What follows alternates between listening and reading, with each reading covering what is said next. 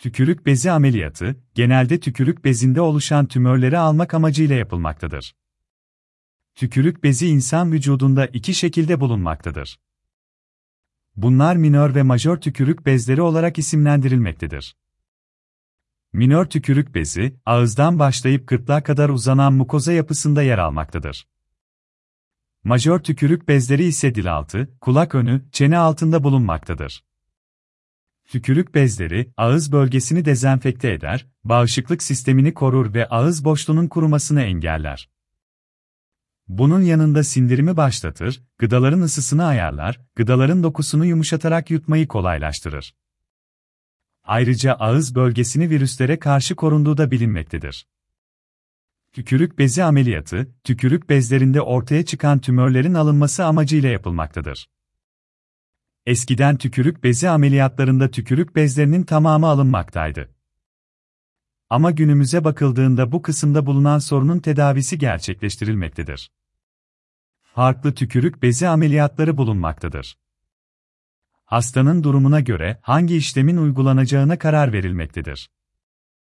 Bunlardan bir tanesi kulak önü tükürük bezi ameliyatı olarak adlandırılmaktadır. Ameliyat uygulanacak noktada sinirler bulunmaktadır ve bu durum hastaların endişelenmesine neden olmaktadır. Ancak doğru bir tedavi planlanması bu endişelerin giderilmesini sağlamaktadır. Genel anestezi uygulanan bir işlemdir. Kulak önü tükürük bezi ameliyatında kulağında ön kısmından çenenin altı kısmına kadar bir kesi açılmaktadır. Böylece operasyon gerçekleştirilmeye başlanmaktadır. Bir diğer tükürük bezi ameliyatı ise çene altı tükürük bezi ameliyatı olarak tanımlanmaktadır. Yine genel anestezi ile gerçekleştirilen bir ameliyat olduğu bilinmektedir.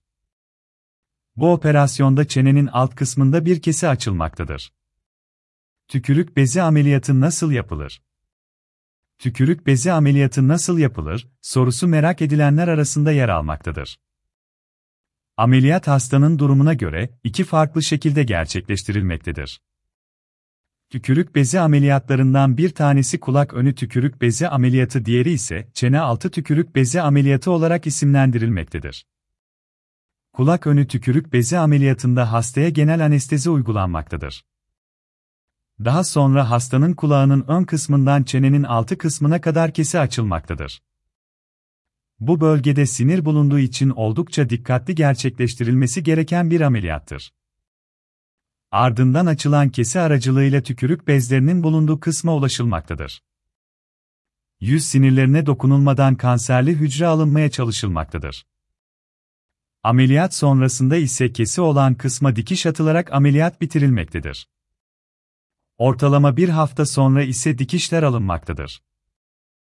Çene altı tükürük bezi ameliyatında ise hastaya genel anestezi uygulanmakta ve çene kısmına bir kesi açılmaktadır.